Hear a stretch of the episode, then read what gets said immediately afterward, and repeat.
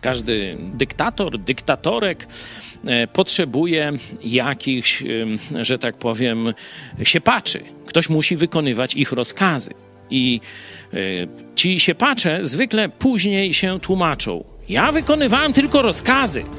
Nie? No, że przyszedł taki prikaz tego zniszczyć, tego uwolnić, chociaż ten niewinny, a ten winny, nie, temu życie uprzykrzać, temu wysłać kontrolę i tak dalej, ale ktoś te rozkazy bezbożne, niesprawiedliwe, plugawe, ktoś wykonuje.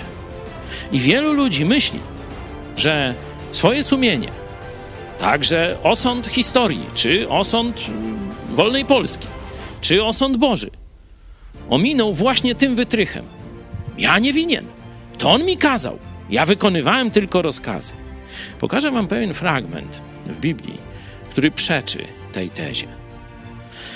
Oto, jak wiemy, Jezus został poddany niesłusznym oskarżeniom, e, tam zdrajca, spisek, różne takie rzeczy i władza państwowa, religijno-państwowa, mówiąc precyzyjnie, za tym stała. To jest 22 rozdział Ewangelii Łukasza. Oczywiście decyzję podjął arcykapłan, a mówiąc precyzyjnie, arcykapłani.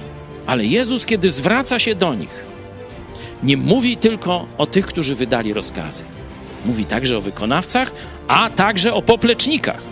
Wtedy rzekł Jezus do arcykapłanów i do dowódców straży świątynnej, czyli tych, którzy, że tak powiem, roboczo wykonywali te rozkazy, i do starszych, czyli tych, którzy wspierali tych bezbożnych, można powiedzieć, dyktatorów w tym momencie.